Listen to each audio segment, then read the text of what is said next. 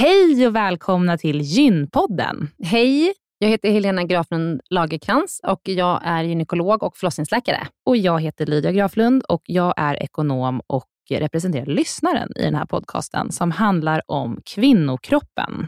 Det är vetenskaplig fakta om kvinnokroppen och det du hör i den här podden är det som man kan höra om man får träffa en läkare eller en barnmorska i ett eh, möte. Men ibland så bjuder vi in gäster som berättar om sina personliga erfarenheter och ibland är det också spekulation, men då är det verkligen tydligt att det är spekulation. Annars är grunden för den här podden vetenskaplig fakta om kvinnokroppen. Så är det. Hoppas att ni vill lyssna. Välkomna. Välkomna.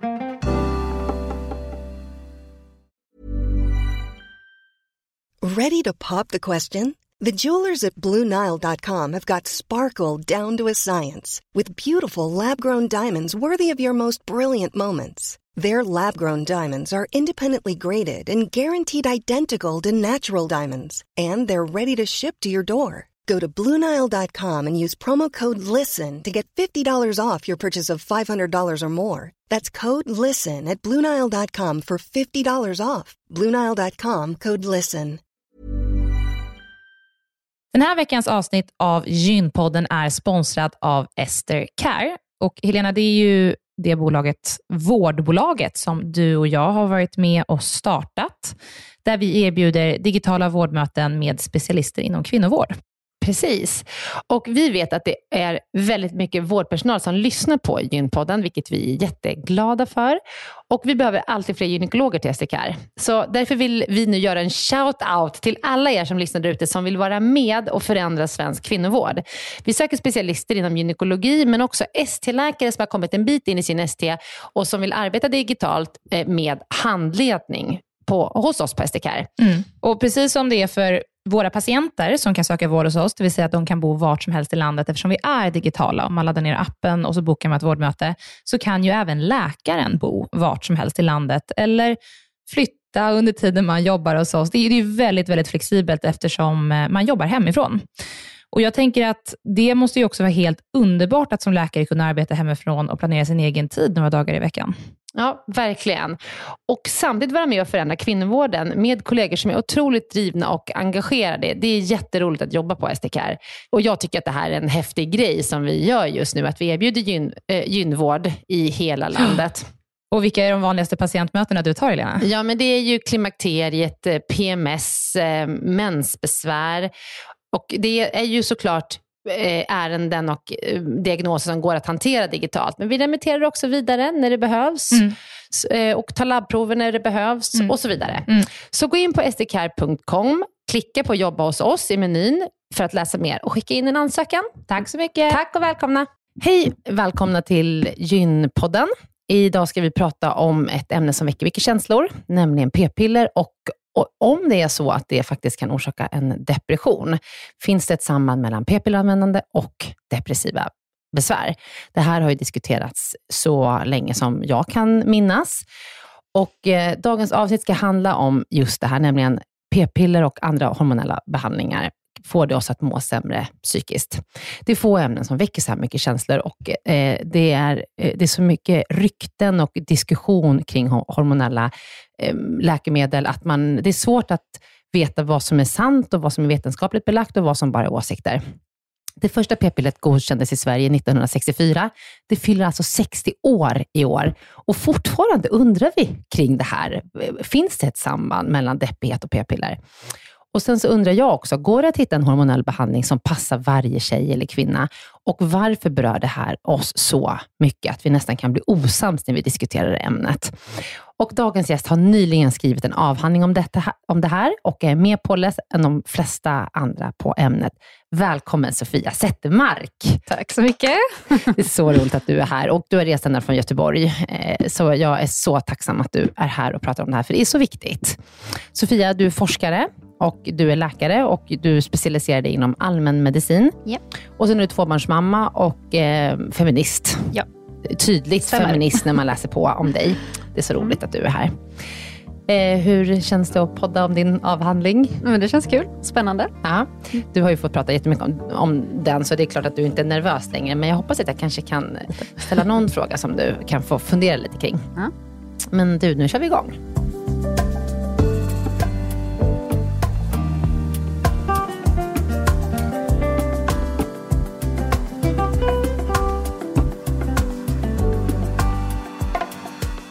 Berätta om din avhandling. Grattis förresten till den. Vad handlar mycket. den om? Ja, eh, den heter ju Coming of Contraceptive Age, alltså preventivmedelsåldern, eh, eller att man eh, växer upp med preventivmedel på något sätt. Och eh, anledningen till att jag ville skriva den här avhandlingen var att jag upplevde ett väldigt stort gap mellan vad man lär sig på läkarprogrammet om hur hormonella metoder fungerar och hur man mår på dem, vad det finns för biverkningar etc. Och vad jag liksom uppfattade i en feministisk gräsrotsrörelse, eller bland, också bland kompisar, och hur det pratas liksom bland kvinnor och i media om preventivmedel. Eh, där ju den första eh, diskursen, eller sättet att prata om det, den medicinska, är väldigt så här, det är jättebra, det är jätteeffektivt, det finns alltid någonting som du kan hitta rätt, eh, och eh, det är jättefå biverkningar. Det är mest kvinnor som inbillar sig. Och den an- det andra sättet att prata om det är ju allt från, nej men jag mådde faktiskt ganska dåligt, eller så här, jag, jag blev lite mer gråtmild, eller så här, till ja, hormoner i gift. Liksom. Eh, och, ja. Och sen, och sen allt däremellan. allt däremellan. Mm. Och liksom, så jag ville utforska varför blir det så här? Varför släpper de här verkligheterna ifrån varandra? Mm. Och vad är det som du har tittat på? En avhandling, eller din avhandling innehåller fyra stycken olika studier. Ja, precis. Mm. Eh, Det är en sammanläggningsavhandling, så det är fyra publicerade delarbeten och sen en kappa som man, där man skriver lite mer övergripande reflektioner. Så jag har gjort eh, två kvantitativa studier, eh, epidemiologiska registerstudier, där vi har tittat på uttag av hormonellt preventivmedel, alltså p-piller, p-stav, eh, injektion, eh, spiral, all, all, allting. Det är ett paraplybegrepp. ju. P-ring och all, allt sånt. Mm. Ja, precis. Och är Alla det både östrogen och gestagen? Precis, det är både kombinerade metoder och eh, enbart gestagena vi har kollat på. Mm. Och så alla möjliga uppdelningar däremellan och så. Eh, så vi har tittat på uttag av hormonella metoder och eh, sen senare uttag hos samma kvinna av ett antidepressivt eller lugnande läkemedel. Och sen jämfört med de kvinnor som inte tar ut någon hormonell metod då, och följt dem under ett år. Eh, så det var den första studien. Och de, eh, den andra, där har vi också gjort en sån här registerstudie, men där har vi mer försökt kolla, vi har använt oss av intersektionalitetsteori och försökt kolla på liksom hur maktstrukturer och förtryck i form av eh, socioekonomisk position och hur länge man har varit i Sverige eller sådana saker, hur det kan påverka huruvida man blir deprimerad av p-piller eller inte. Så man tittar till exempel på högskoleutbildning, eh, svenska kunskaper, eh, Ja. inkomst eller... Utbildningsnivå, inkomstnivå i familjen, eh, hur länge man har varit i Sverige, var man bor, sådana aspekter. Mm. Ålder. Mm. Eh, och sen har jag gjort två kvalitativa studier, alltså där man inte kollar på stora mängder data, utan man djupdyker mer i eh, olika aspekter. Eh, och då, den första av de studierna så kollade jag på preventivmedelsinformation, medicinsk preventivmedelsinformation riktad till allmänheten, alltså till exempel på 1177, eh, och hur den presenteras. Och i den andra, eller i den fjärde studien, alltså den sista studieavhandlingen, var en intervjustudie, men eh, djupintervjuer med tio kvinnor som har, hade erfarenheter, både positiva och negativa, av hormonella preventivmedel. Mm. Gud vad spännande. Va- varför är det så svårt att bedriva forskning kring hormonella preventivmedel? Ja, en anledning till att det är svårt att liksom bevisa en effekt eh, är att det ju generellt sett anses oetiskt att ge placebo-preventivmedel till kvinnor. Framförallt kanske till tonåringar, där vi vi tror att de största effekterna finns. Mm. Alltså helt enkelt ett preventivmedel som inte ger någon graviditetsskyddande effekt, ett sockerpiller. Eh, Men för det, var, vi, det gjordes en studie på, här på Karolinska med Mm. p-piller där man gav sockerpiller Mm. och så visste man inte om man hade p-piller, eller Mm. så hormonella ba- Mm. eh, p-piller eller sockerpiller. Och den studien tyckte man kunde pågå i tre månader, sen blev det för oetiskt. Var det Mm. så? Eh, det så- låter rimligt och det ja. var ju också vuxna kvinnor som Ja. Mm. man rekryterade. Ja, eh, och det här är, ju då för att man inte såklart kan, man, eh, man kan inte eh, lita på att man orkar hålla i att ha någon annan skydd mot oönskad graviditet och Nej. därför går det inte att bedriva en sån studie under lång tid. Precis. Men eh, finns det liksom någonting annat som du tror hindrar forskning kring det här? Liksom, att, att samhället ser på det här på något visst sätt, eller att det finns liksom patriarkala strukturer som hämmar den här forskningen? Eller? Ja, alltså allting handlar ju förstås också om liksom, finansiering av forskning och var man satsar eh, pengar eh, och var man allokerar liksom, sina forskningsmedel. De här stora forskningsfinansiärerna, vad de satsar på och så vidare. Det är ju absolut en aspekt. Var det svårt för dig att få pengar till att genomföra studierna? Eh, ja, mm. det var till stor del ofinansierat. Mm. Ja, det var det. Mm. mm. Det är ju superirriterande, ja. tycker jag. Eftersom man vet att det finns ju forskningspengar, det är bara att det inte går till kvinnohälsa i så stor utsträckning som man skulle önska. Jag håller med. Mm. Men vad vet vi sedan tidigare forskning på det här ämnet? Vad, vad har liksom våran syn och våran, det vetenskapliga läget varit på mm. p-piller och humör? Det har varit ett ganska omstritt område, får man säga. Eh, även vetenskapligt så har det inte funnits någon tydlig konsensus. Eh, de stora reviews som har gjorts har visat att ja, men vi hittar inga tydliga bevis för att kvinnor blir deprimerade på p-piller. Men då får man också eh, fråga då på vilka, vilka studier ligger bakom de här reviewsen. en review är ju att man tittar på många olika studier som redan är publicerade och det brukar anses vara liksom högsta vetenskapliga kvalitet. Eh, men det, en review blir aldrig bättre än de, det ingående faktaunderlaget, så att säga. Eh, och sen ett problem som jag belyser och som jag tycker är viktigt är så här, hur har man ställt frågan? Hur har man bevisat eller inte bevisat en, en negativ effekt på den mentala hälsan? Liksom? Är det du, att du ska uppfylla diagnoskriterierna för major depressive disorder? Liksom? Eh, så kanske, och sen är det ja nej. Då kan det hända att väldigt många kvinnor inte uppfyller de diagnoskriterierna och ändå mår rätt dåligt. Liksom. Mm. Eh, så det är, tror jag, en stor förklaring till varför den medicinska forskningen inte hittar så starka samband som andra metoder kan göra. Nej. Finns det också något, liksom, att vi, jag som gynekolog, jag vill ju så gärna att det inte ska finnas ett samband. Finns det någonting där i också som hämmar forskningen, tror du? Jag tror det. Jag tror att det verkligen handlar om, om välvilja, liksom, att man har sett hur otroligt befriande p-pillret var. Tidigare var det ju ett enormt lidande av väldigt täta och väldigt många graviditeter och plötsligt så liksom kunde kvinnor bestämma i mycket högre utsträckning när man inte ville ha barn i alla fall. Eh, och sen finns det ju massa, som du såklart vet, eh, liksom positiva effekter med minskad blödningsmängd och minskad risk för vissa cancertyper och sådär. Så jag är absolut inte här för att säga att hormonella preventivmedel är dåliga, men jag vill ändå problematisera den här frigörande bilden som att det är det enda eller nu är vi fria och nu är det så enkelt att liksom reglera vår reproduktion. Det håller inte jag helt med om. Utan det är fortfarande ganska jobbigt. Det är mycket att navigera även med hormonella metoder på marknaden. Liksom. Mm.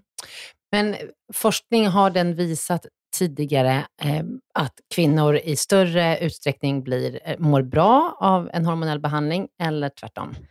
Den har visat att många kvinnor mår bättre, eh, många mår oförändrat och några verkar må sämre. Och mm. det är liksom, man har försökt hitta de här subgrupperna av kvinnor som verkar må sämre. Och en, en tydlig riskfaktor är att man har tidigare psykisk ohälsa. Liksom. Mm. Eh. Det är min uppfattning också, mm. att de allra flesta mår faktiskt bättre mm. med en hormonell behandling. Eh, och några mår oförändrat och eh, några mår sämre. Men de som mår sämre kan må ganska mycket sämre mm. med en hormonell behandling också. Mm.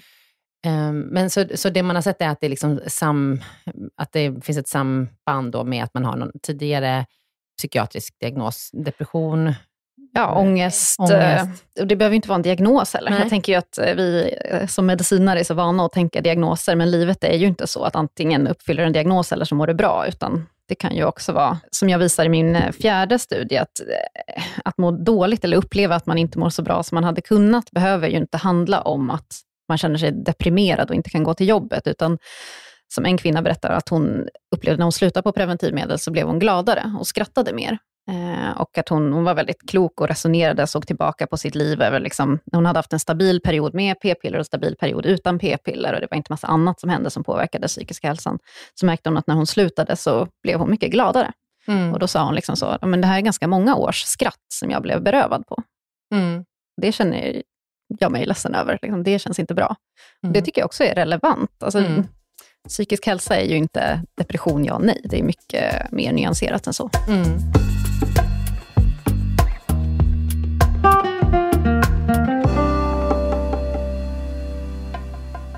Vad har du kommit fram till i din forskning?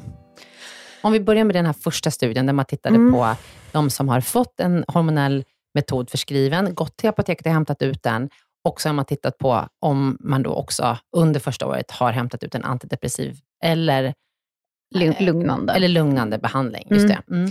Precis, så vi ser att den grupp som tar ut ett hormonellt preventivmedel eh, i högre utsträckning under det kommande året också tar ut en antidepressiv eller lugnande behandling. Och det här sambandet är tydligt då hos eh, tonåringar. Mm. Så eh, tjejer från eh, 12 till 20. Och efter 20 års ålder så finns inte det sambandet kvar. Det här är också en grej med tidigare forskning, att man mest har kollat på vuxna kvinnor och man kanske framförallt har gjort tvärsnittsstudier, alltså att man inte har följt över tid, utan man har kollat på här och nu och så ser man, nej men de som äter preventivmedel verkar ju må bra. Men då glömmer man bort att det finns liksom en selektion i det här.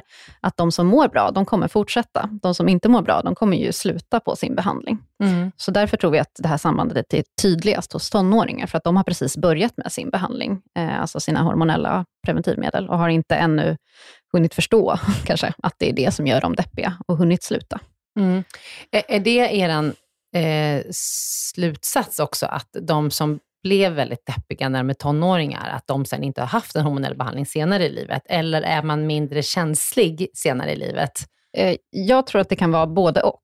Eh, Det finns en hel del övertygande studier som kollar mer på hjärnaktivitet och liksom hormonnivåer av de här nedbrytningsprodukterna av, för det är framförallt den gestagena komponenten som verkar ge humörbiverkningar, att tonåringar och liksom tonårshjärnor reagerar annorlunda på det. Så det kan absolut finnas en biologisk förklaring, att man helt enkelt är känsligare som tonåring. Det kan också vara så att eh, man helt enkelt inte testar den behandlingen då, eller inte fortsätter med den. Nej. Hur liksom, mycket större andel av de här flickorna då i tonåren hämtade ut en, en antidepressiv eller lugnande behandling jämfört med de som inte Mm. tog på p-piller? Eller, ja, du förstår Eh, bland- I den yngsta åldersgruppen var det ungefär tre gånger så många och sen eh, ungefär en och en halv gång så många i den, bland de äldre tonåringarna. Eh, Och hur länge ser man att det finns en signifikant skillnad mellan... ja, upp till 20 års ålder, sen ser inte vi någon mer skillnad. Eh, och det här är ju en observationsstudie, så att vi kan inte säga att det med säkerhet är preventivmetoden som är orsaken till uthämtningen av, preventivmet- eh, av antidepressiva, utan det kan ju vara så att de här två grupperna skiljer sig åt på något annat sätt. Eh, och att det är därför de har högre risk för depression. Att om man är mer depressivt lagd så hämtar man också ut preventivmedel eller börjar ha sex tidigare eller någonting sånt där. Det är sånt som kallas för confounding, alltså en, en faktor som, som påverkar både exponering och utfall i forskningen. Eh, och det, är- det är liksom problemet med alla studier som inte är randomiserade, att man kan inte egentligen bevisa samband, utan man kan bara eh, eller man kan inte bevisa en orsak. Man kan bara se, här har vi ett samband, vad kan det bero på? Och så kan man försöka göra rimliga förklaringsmodeller till det. Mm. Men, ja, och, i, och er förklaringsmodell har varit att det, att det är båda delarna. Är det så? Att, liksom att det både är någonting rent biologiskt, kanske då i hjärnan eller i sig- signalsubstanser eller så Mm. som påverkas, och att det finns andra... Ja, precis. Det utforskar jag lite mer i de senare studierna och i liksom övergripande delen av avhandlingen, det här med att situationen man är i eh, som ung kvinna kan ju vara ganska utsatt eh, och att hur man svarar på en hormonell behandling beror också på din livssituation och liksom vilka, som vi kallar det, strukturella bördor du lever under, alltså fattigdom eller om du är nyanländ i Sverige till exempel. Eller så. Och där kan vi ju se att de som lever under fler sådana bördor, eller lever under liksom ett förtryck, som man kan säga det, strukturellt, eh, verkar reagera starkare negativt, liksom få en mer negativ reaktion på sina preventivmedel. Okej, ja, det är ju väldigt intressant. Ja. Och samtidigt ska man förstås vara medveten om att en oplanerad graviditet också kan ge upphov till psykiskt lidande, så det är ju aldrig svartvitt i de här frågorna, tänker jag. Nej. Men så att om man, så att eh, ni kunde se att eh, flickor som har en, du, en lägre, kommer från ett hem med lägre inkomst, Mm. lägre socioekonomisk status, Mm. eh, där var stark, sambandet starkare? Ja. Är det också bara upp till 20 års ålder? Eh, det är det, men det vi kan se är också, hos, även hos vuxna kvinnor, så kan man se att skillnaden i eh, om man tar ut en antidepressiv medicin eh, eller inte, är större eh, hos gruppen som har tagit hormonella preventivmedel och inte. Eh, om man ser till de som har eh, lägre inkomst och nyligen har kommit till Sverige och så vidare, alltså mer utsatta grupper så att säga. De verkar alltså om man exponerar, som vi säger inom epidemiologi, den här äh, gruppen för hormonella preventivmedel, så verkar de reagera starkare jämfört med om man exponerar en grupp, alltså ger en grupp privilegierade kvinnor med hög inkomst och födda i Sverige och hög utbildningsnivå för hormonella preventivmedel. Då är det inte lika stor skillnad om de, om de får ett hormonellt preventivmedel eller inte. Det påverkar inte deras antidepressiva uttag, liksom. men det påverkar i den underprivilegierade gruppen. Det är så intressant. Vad, Ja. varför, vad är era tolkningar av det? Ja, alltså det, det, vi kan ju inte säga något med säkerhet eh, vad det beror på, men min tanke runt det är ju att vi är liksom integrerade sociala varelser, att vi är inte en påse hormoner, liksom, och där vi har en, en signalsubstans som påverkar något annat, utan att vår livssituation och eh, våra relationer och strukturerna i samhället och liksom den stress vi lever under eller inte lever under, kan påverka våra biologiska system så att vissa tillförsel av substanser som hormonella preventivmedel ger mer eller mindre utslag. Alltså det här kallas ju för en biopsykosocial eh, modell eller ecosocial medicine. Att man liksom tar in samhället i hur vi svarar eh, medicinskt eller biologiskt på saker. Many of us have those stubborn pounds that seem impossible to lose, no matter how good we eat or how hard we work out. My solution is PlushCare. PlushCare is a leading telehealth provider with doctors who are there for you day and night to partner with you in your weight loss journey. They can prescribe FDA-approved weight loss medications like Wagovi and Zepbound for those who qualify. Plus, they accept most insurance plans. To get started, visit plushcare.com slash weight loss. That's plushcare.com slash weight loss. Hold up. What was that? Boring. No flavor. That was as bad as those leftovers you ate all week. Kiki Palmer here, and it's time to say hello to something fresh and guilt-free. Hello Fresh. Jazz up dinner with pecan-crusted chicken or garlic butter shrimp scampi. Now that's music to my mouth. Hello Fresh. Let's get this dinner party started. Discover all the delicious possibilities at hellofresh.com. Veckans avsnitt av Gynpodden är sponsrat av mittpreventivmedel.se som är en informationssida från Bayer. Mm. Jättebra informationssida. Eh, den, den är full av information och material för att du på bästa sätt ska kunna välja vilken preventivmedelsmetod som passar dig allra, allra bäst. Och Det vi tänkte prata om idag det är att det finns något som heter samtalsguide Mm.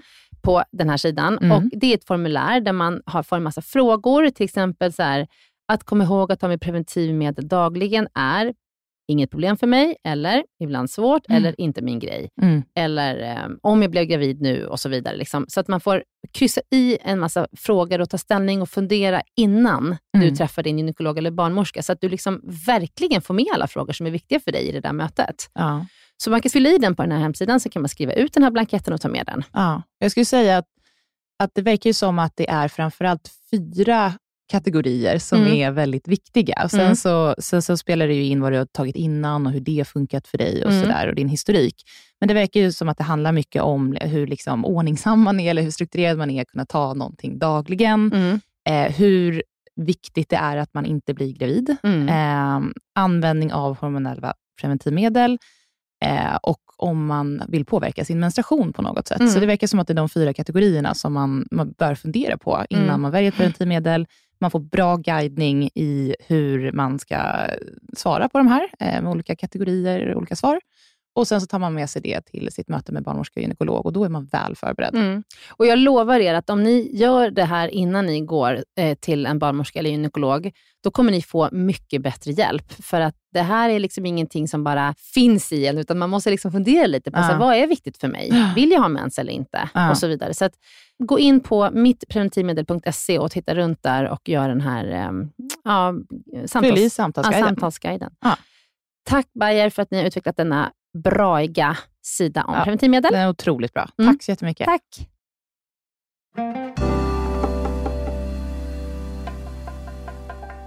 Tror du att eh, det finns ett hormonellt preventivmedel för alla kvinnor?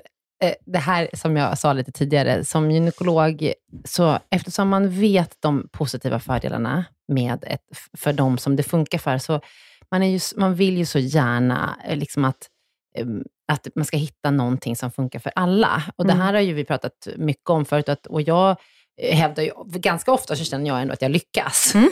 man liksom byter och man, man ändrar substans och man testar det här istället, eller tar en, ja, sådär, plockar bort någonting liksom och sådär. Att man hittar en behandling som funkar. Men vad är din uppfattning och bedömning efter din, din, de här åren du har studerat? Jag tror att det finns något för alla.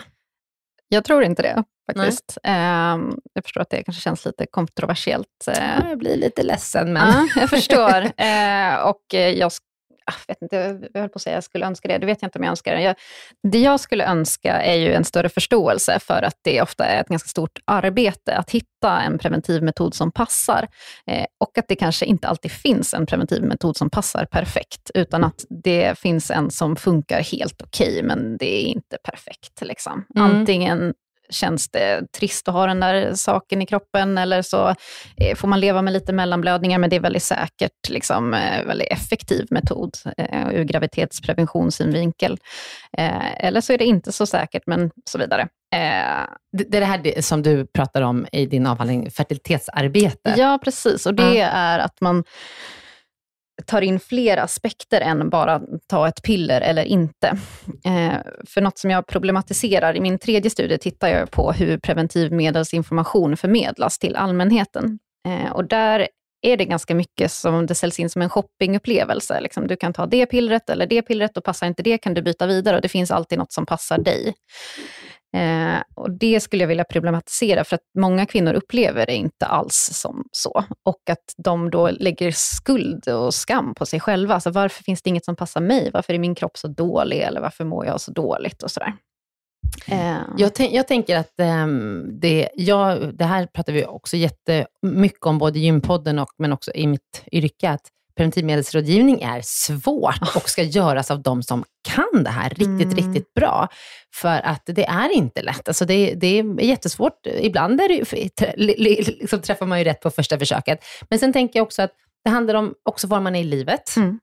Alltså är man, som du säger, är man tonåring eller är man eh, tidig, tidigt i 20-årsåldern eller är man runt 30 och det spelar inte så jättestor roll, man kanske, blir man gravid så blir man, eller, liksom, Mm. eller är man i slutet. Alltså, så här, var är man? Men är det, det där tycker jag var intressant, om jag Ja. får hoppa in, apropå det här, äh, det spelar inte så stor roll, jag vet den här ambivalensen. Mm. Eh, för det är något som många akademiker innan mig har hittat, att i den medicinska diskursen så är det antingen en graviditet planerad, eller så är den oplanerad. Det är väldigt dikotomt. Liksom. Och dikotomt, vad Ja, betyder det? det betyder att man, det är väldigt separerat, det är antingen eller, det är svartvitt. Mm. Eh, medan verkligheten är ju inte alltid sån, utan man kan ha ganska mixade känslor runt om man vill bli gravid eller inte. Ibland är det såklart det värsta som kan hända. Mm. Eh, men att det, det finns ganska liten förståelse i den medicinska litteraturen och kanske ibland hur vi som kliniker kommunicerar för att man är ambivalent i livet. liksom. Mm. Och jag tänker det här fertilitetsarbetet, om vi återkommer till det, knyter an till det, för det är ju liksom till viss del ett emotionellt arbete. Att tänka så här, vad vill jag, vad kan jag? Och så. Det är också ett relationellt arbete, vad funkar i min relation, den jag eh, liksom, ska använda det här preventivmedlet tillsammans med på något sätt. Eh, och det är också ett, ett arbete fysiskt, liksom, att eh, hantera biverkningar, om man nu har sådana. Eller åtminstone, de, även de som inte har biverkningar, tänker ofta ganska mycket på det och liksom utvärderar sig själva. Och framförallt när det kommer till mental hälsa så är ju det ganska svårt. För vissa får ju väldigt tydliga symptom kanske och blir deprimerade och så slutar de så mår de bra. Men många har mer diffusa symptom och då blir det hela tiden en självutvärdering. Så här, är jag ledsen nu? Eller nej, det är jag nog inte. Eller är jag mig själv? Blir jag en annan? Det var något jag hittade mycket i den fjärde studien i min avhandling, där jag gjorde djupintervjuer med kvinnor. Att det pågick hela tiden en självutvärdering och det tar ju också kraft och Mm. energi och kan Mm. liksom påverka den mentala hälsan. Mm. Och där tror jag att eh, återigen den här skillnad, gapet i hur vi pratar om hormonella preventivmedel inom medicinen och kanske massmedia eller så populariserat blir ett problem. För om den medicinska vetenskapen säger att det är lugnt, det finns något för alla, det är ehm, eh, oproblematiskt och så säger den andra sidan att det är livsfarligt, så måste man hela tiden förhålla sig till de här två sidorna och på något sätt navigera i det där själv, vilket också tar ganska mycket Om man kanske som kvinna inte känner varken det ena eller det andra. Alltså, det här var inte livsfarligt, men det var inte helt oproblematiskt. Liksom. Och ibland kanske också så här, livet skaver lite, så kan det ju vara, men då tycker jag att det ska finnas något slags erkännande av det, att eh, nej, det var inte perfekt för dig. Nej. Ja. Mm. Min nästa fråga på här är just där, är vi i vården alltför positiva till hormonella preventivmedel? Eh, och, jag tycker att du har svarat på den mm. faktiskt. Att du tycker att vi är lite väl positiva, eller att vi inte åtminstone tar in um, hur svårt det kan vara. Ja. Att, och, och vilka förväntningar man ska ha.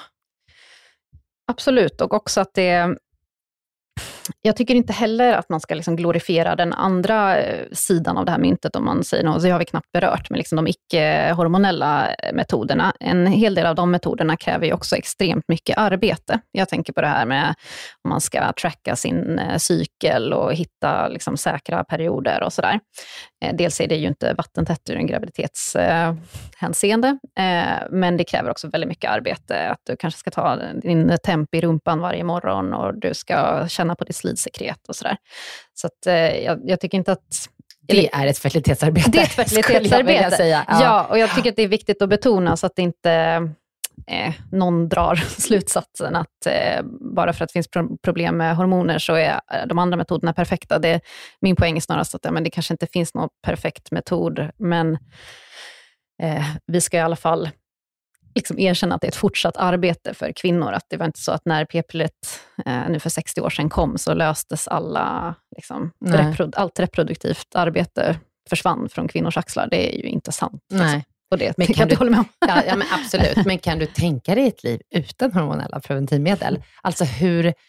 Eh, det, jag kan inte tänka mig det, liksom. hur det skulle vara att inte att hela tiden veta att man kanske kan bli gravid. Mm. Alltså hur det skulle, det, för mig skulle det vara någonting som verkligen skulle begränsa mitt liv. Ja, och kanske påverka din mentala hälsa negativt. Ja, ja. precis. Så, så det, det, är också liksom en spännande tanke. Liksom, hur skulle det vara om vi inte hade hormonella mm. preventivmedel? Och det tänker jag är viktigt när man har den här typen av eh, diskussioner. Att, eh, att jag har möjligheten att sitta här och liksom kritisera att vi är alltför positiva, eller liksom att det finns normer vi inskärper i samhället genom de här effektiva metoderna. Så här, det, det, baseras på att vi har liksom en grundläggande rättigheter på plats. Vi har, mm. vi har säkra preventivmedel, vi har rätt till abort, eh, vi har liksom god fungerande mödravård i stort sett i Sverige mm. och så vidare. Mm. Eh, så det vill jag verkligen vara tydlig med, att det behövs ju. Och eh, på många platser i världen är det ju ett eh, större behov av hormonella preventivmedel än vad det finns. Men i Sverige skulle jag vilja hävda att det finns i alla fall tendenser till att man kanske ibland vill ge det i högre utsträckning än vad eh, kvinnor vill ta emot. Liksom. Att mm. det, finns ett, det finns ett incitament att eh, ge hormonella preventivmedel. Och, det, och också de här långverkande som är allra säkrast ur graviditetssynpunkt ett incitament som ju också kopplas till kvalitetsindikatorer och eh, ersättning till barnmorskemottagningar och sådär, som jag kan tycka är viktigt att belysa. Eh, för att det... vi får mera betalt om vi sätter in en, en spiral, en spiral. än ett p-piller. Mm. Det är ju intressant. Vad är det man vill styra? Liksom? Få ner aborttalen, eller få ner de oönskade graviditeterna. Mm. Men eh, vad, vad, är viktigast här? Liksom? Är det vad, vad, kvinnan vill, eller att man kanske kan leva med osäkerhet. Eller, det blir också någon form av något sätt statlig eller medicinsk styrning av kvinnokroppen. Jag tänker ändå att vi får se de hormonella preventivmedlet i sin historisk, sitt historiska ljus också, där de ju från början utvecklades för att, ur populationskontrollssyfte. Alltså att man ville minska fattiga kvinnors barnafödande. Eh, och det säger inte att vi har idag, liksom, att det är det barnmorskemottagningarna på något sätt strävar efter. Men det finns sådana strömningar som jag tror att det ändå kan vara bra att vi diskuterar. Varför får vi pengar för vissa saker och inte för andra saker och så. Här måste jag bara få Ja. säga min åsikt. Eh, och det är att ehm, vi, det är ju, p-piller är ju svårt också för eh, speciellt unga personer. Mm. Att det är svårt att ta ett p-piller varje dag och att ha en god eh, preventiv metod. Det, jag vurmar för långtidsverkande, alltså eh, spiraler, p-stav, Mm. för att det är väldigt lätt för flickor och kvinnor att eh, använda. De är liksom inte beroende av att vi ska eh, ta ett piller varje dag eller att vi ska eh, sätta på en kondom inför ett Mm. samlag. Liksom, och som, och, utan det är, den sitter där. Liksom. Och, så att, så att, ehm, eh, och eh, att genomgå, eh, om man tänker att, man, att, så här, att om jag blir gravid så kommer jag att genomföra en abort. Det är ju väldigt många tycker att det är ganska jobbigt. Ja. Liksom rent, det är praktiskt jobbigt och man blöder och det gör ont och, och så. så att, ja, nej, jag, eh, jag tror inte att det finns någon så här att vi vill begränsa populationen, utan, eller så, utan jag tror bara att vi har sett att det är Nej. praktiskt. Eh, Alltså jag, jag håller med och jag förstår det och det funkar säkert jättebra för jättemånga. Mm. Men eh, det finns också studier som liksom indikerar att många kvinnor känner sig ganska obekväma med de här metoderna. Att man känner sig lite så här ofrivilligt steriliserad och att, Att vi liksom lite prackar på dem för att vi tycker att de är bra. ja, att det Mm. finns vissa sådana ström, inte någon medveten liksom, eh, att man på något sätt vill skada eller tänker det här är en olämplig mamma. Det tror jag inte att man gör. Liksom. Jag tror att vårdpersonal vill väl. Jag är ju själv kliniker. Jag, det tycker jag är också ett viktigt perspektiv, att det blir hela tiden så här, man ska bara problematisera om man gör bara allt fel. Vad ska jag göra då? Liksom? Så jag menar inte så. Men eh, jag tänker att det är ändå akademiskt och eh, kan vara viktigt att lyfta, liksom, att det Mm. finns sådana aspekter också. Att man, och att man i sin vilja att göra gott ibland kanske Mm. går över vissa... Vet du vad, jag har faktiskt gränser. ett alldeles färskt exempel på det. Då, då var det en, en, en ganska ung kvinna, kanske 20, 20 plus, något, något år över 20, som hade varit här på vår mottagning i ett annat ärende och då också liksom lyft att jag behöver ett preventivmedel. Och så hade hon, hon hade mycket mensvärk och hon blödde rikligt och sådär. Då hade min jätteduktiga kollega rekommenderat en hormonspiral Mm. och ehm, och hon hade accepterat, liksom, så, ah, men det kanske blir bra. Och sen så hörde hon av sig till, till mottagningen dagen efter och då var min kollega inte på plats. och Det var jag som tog det. Och då så sa hon att alltså, det känns ju helt fruktansvärt att jag ska stoppa in den här hormonspiralen nu. Jag är så rädd. Men jag känner att jag, att jag, jag, ska, gö- jag ska göra det. Jag ska göra det, för det är ju så bra. Och då sa jag precis, alltså då sa jag så här, men om det känns helt fruktansvärt, Mm. då är inte det din metod. Det finns så många andra metoder vi kan hjälpa dig med då. Mm. Det är liksom, du vet, hon hade ångest och hon ville bli sövd. Och det här var en helt frisk, normal tjej. Mm. Eh, och då, då tänkte jag så här, åh, här kanske vi har gått lite långt i ett, liksom att bara för att vi vet att det är så bra, Mm. att hon ska tycka att det är helt fruktansvärt. Jag tänkte, nej. Så, nej. så vi tog en ny diskussion. Vad fint. Men, ja, men, men som, bara som ett, ett Mm. färskt exempel Mm. på att vi ibland i vården har våra favoriter Mm. och att vi, vi är ju duktiga på att sälja in våra favoriter. Mm. Och vi eh, får ett oerhört stort förtroende Ja. från våra patienter. ja, Vi alltså, som medicinare sitter man ju på väldigt mycket kunskap och Mm. också väldigt mycket auktoritet. Mm. Liksom. mm, Och det är därför jag tänker det kan vara viktigt att ha de här nyanserna i bakhuvudet. Mm. Inte för att man ska sluta eh, erbjuda hormonella metoder, absolut Nej. inte. nej. Men för att nyansera bilden. Liksom. ja.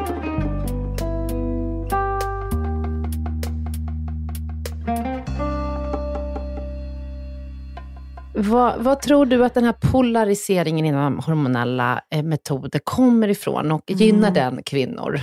Den gynnar absolut inte kvinnor.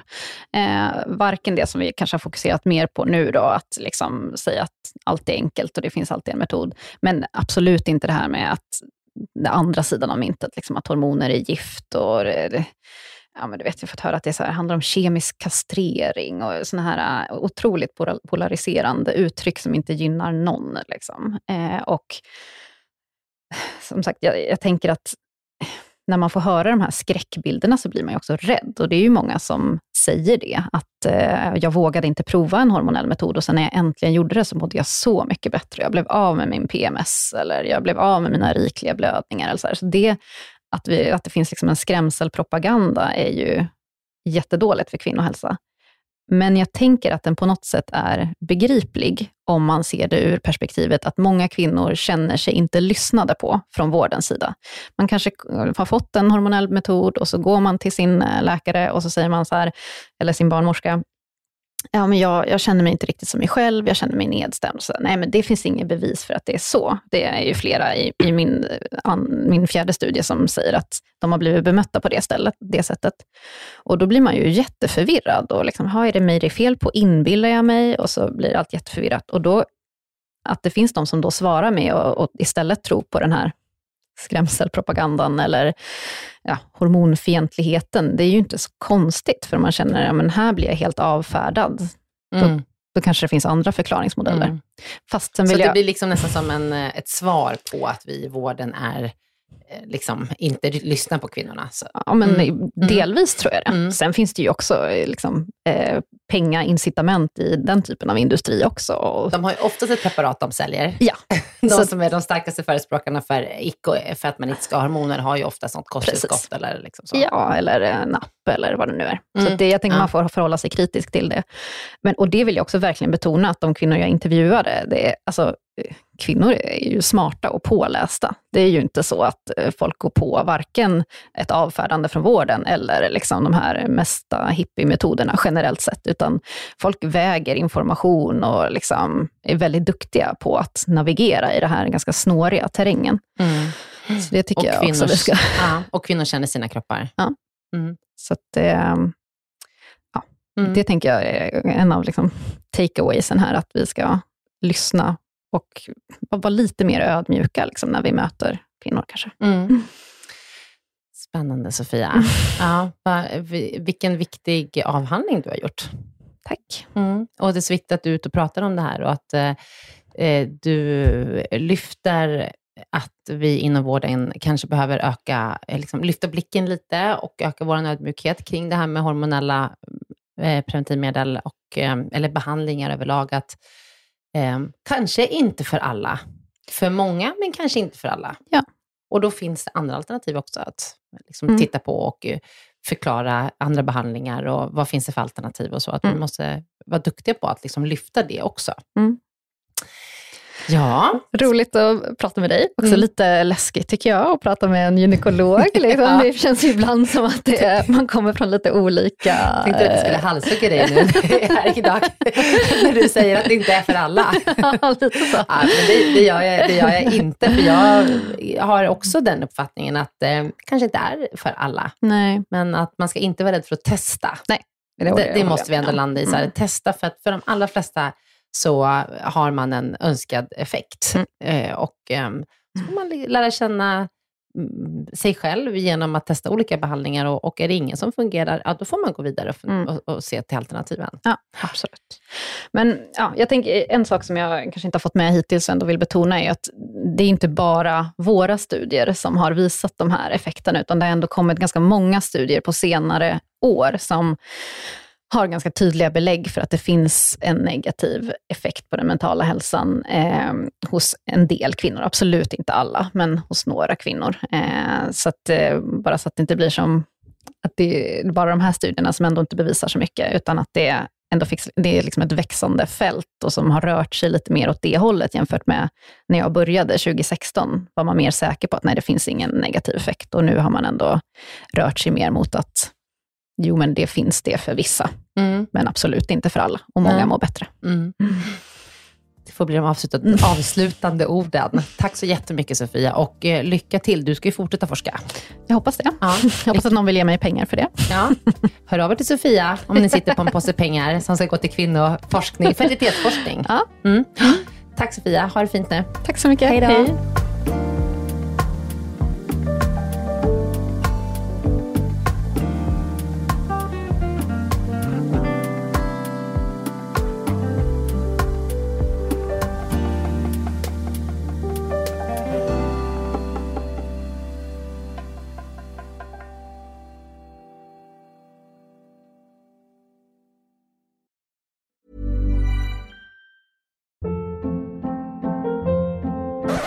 Hold up. What was that? Boring. No flavor. That was as bad as those leftovers you ate all week. Kiki Palmer here, and it's time to say hello to something fresh and guilt-free. Hello Fresh. Jazz up dinner with pecan-crusted chicken or garlic butter shrimp scampi. Now that's music to my mouth. Hello Fresh. Let's get this dinner party started. Discover all the delicious possibilities at hellofresh.com.